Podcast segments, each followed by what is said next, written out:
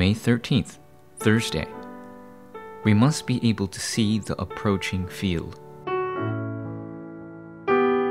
Hebrews chapter 11, verse 1.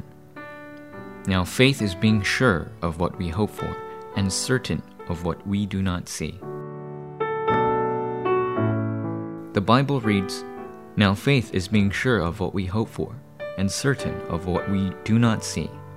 So your vision is very similar to faith. We must be able to view the future realistically to gain strength to live today. How can you pull the future forward to today? Number one, we must hold to the evidences. We must hold onto evidences daily. Every morning, we must review where we will be going and who we will be meeting throughout our days. Regardless of who we meet, immense works will arise if we share the grace that we have received. In addition, all those who meet us need the blessings and grace that come from God. Uncovering this is today's evangelism. We must also hold on to today's word daily as evidence. Meditating on the pulpit message and reading the Bible are also good alternatives. Moreover, we must challenge in today's prayer by discovering prayer topics through the tasks we have to do that day. Applying this in our lives will allow us to see the field. This is the path to success. Number two, guidance of the Holy Spirit.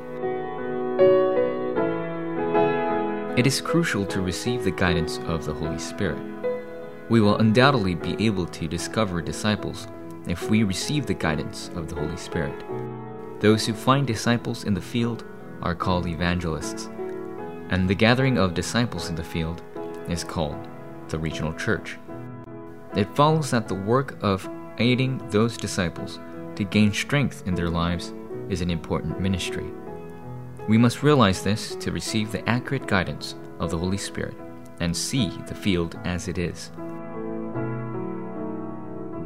Number three, filling of the Holy Spirit. We must open up our eyes to see the field, because we must save the places that are near us as well as far away from us. We must open our eyes to see the age. The filling of the Holy Spirit is opening our eyes to see the age and seeking today's evangelism, word, and prayer in our daily lives. We will save the field when we truly experience this. This is where limitless strength comes from. We must enjoy the thorough life of an evangelist in our personal lives and start praying to discover the disciples in the field. Henceforth, we must make the elite lifestyle part of our nature. Like the elite, we must attain reasonable attitudes and utilize our free time efficiently. In addition, we must maintain our stamina through exercise. We must not lose hold of the fact that today is the most important time, schedule, and opportunity. Forum topic What is the field that will unfold before you like? Hold to the necessity of being able to see the field and meditate upon it.